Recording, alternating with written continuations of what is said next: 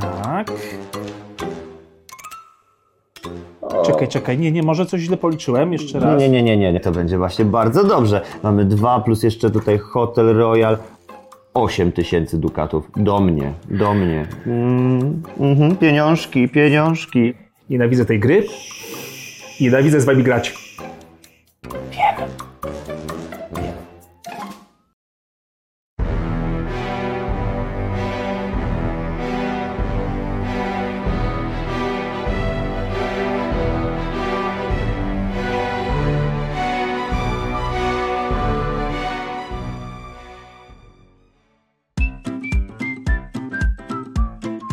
Mario Kart zaczęło niszczyć przyjaźnie, wpierw miało licznych poprzedników, tak zwane gry bez prądu. Chociaż to akurat paradoksalna nazwa, bo wiele z nich sprawia, że to właśnie prądem mamy ochotę jebać naszych towarzyszy gry, gdy po raz kolejny, raz za razem upokarzają nas w gronie najbliższych.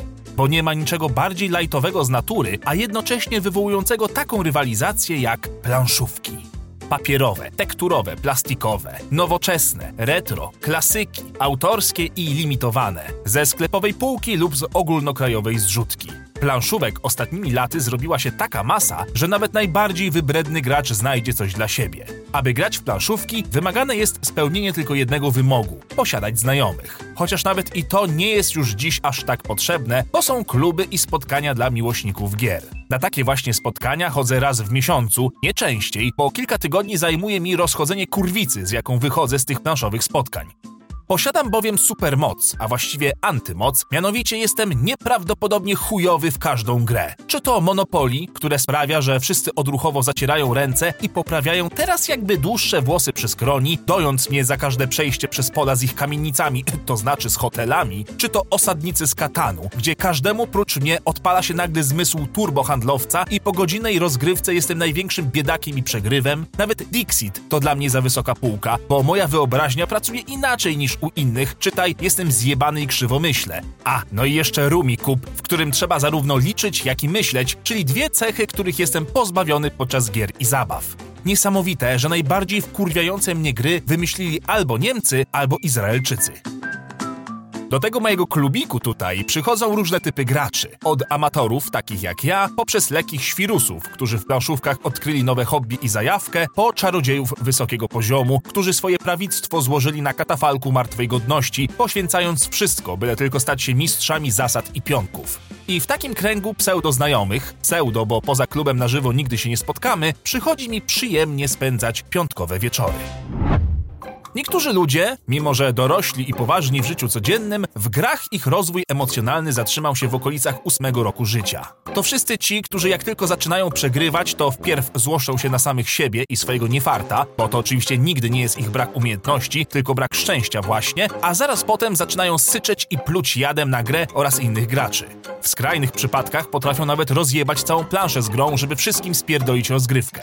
Jeszcze gorzej jest, jak wygrają. Wtedy ich ego puchnie jak mały palec po przyjebaniu w kant biurka i zaczynają puszyć się jak niedojebane strusie z wypłowiałymi ogonami. Na szczęście jednak stres i emocje, które ich zjadają, nie pozwalają im dotrzeć na podium. Ej, no nie można tak! Dlaczego on może, a ja nie? Z dupę są te zasady, nie gram z wami.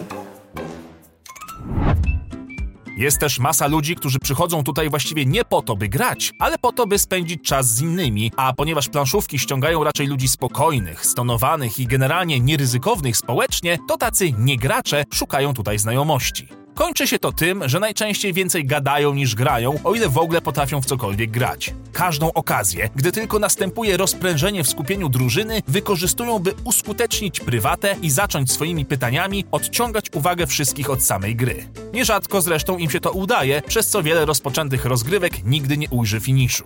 W żadną planszówkę nigdy nie wygrają, ale przynajmniej wychodzą ze spotkania z nowymi znajomościami, by pójść potem na piwo. A to zawsze coś.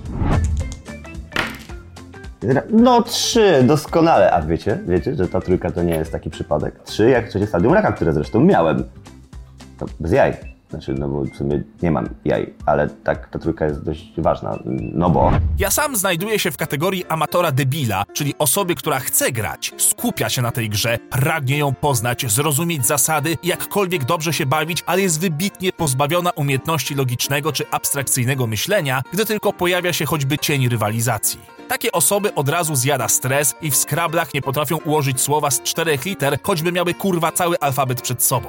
I choćby czytały te zasady po tysiąckroć, i choćby się pociły ze skupienia nad rozgrywką i planowały 10 kroków w przód, to i tak koniec końców okazują się być najchujowsi ze wszystkich, pozbawieni punktów, pieniędzy czy żetonów, na społecznym dnie, zawsze ostatni, przegrani, najgorsi. W grach, gdzie trzeba eliminować graczy, są pierwszymi, których się gnoi. W drużynowych zaś są ciężarem, który wymaga od innych jeszcze większego zaangażowania ze względu na ich niemoc. Ale grają dalej, licząc, że kiedyś los się odmieni i oni też zaczną w coś wygrywać. No to tak. Po podliczeniu na pierwszym miejscu Mateusz, na drugim miejscu Karol, na trzecim miejscu Mariola, a na ostatnim miejscu, jak zwykle, ja.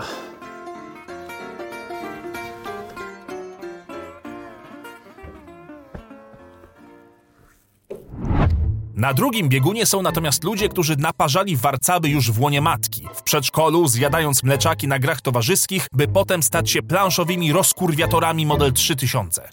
To ludzie znający zasady gry, nim ta jeszcze pojawi się na rynku, bowiem znają już mechanikę danej pozycji albo w ogóle osobiście kumplują się z autorem danego tytułu. Wbrew obiegowej opinii, tacy ludzie wcale nie mają w poważaniu instrukcji, wręcz przeciwnie. Instrukcja to Biblia, to ramy, za które wyjść nie można i których przestrzegać należy zawsze i wszędzie.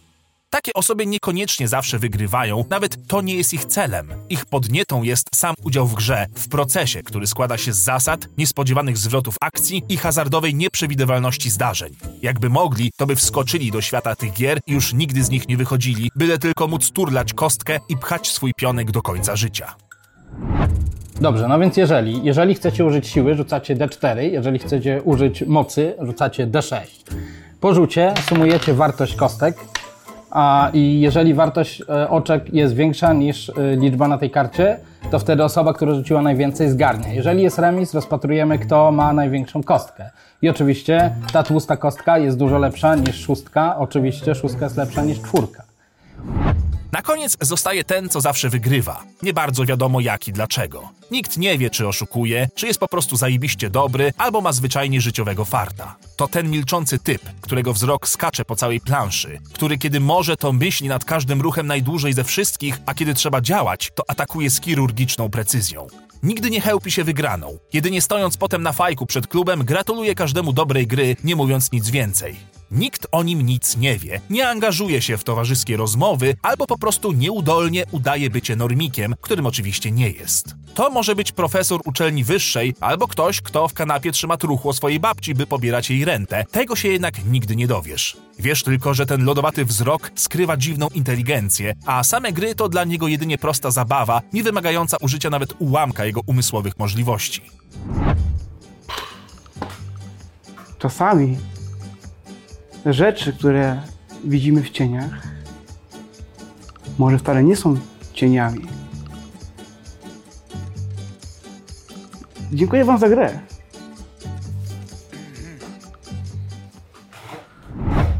Czemu więc ciągle tu wracam? Chyba głównie dlatego, że zajebiście spędzam te kilka godzin.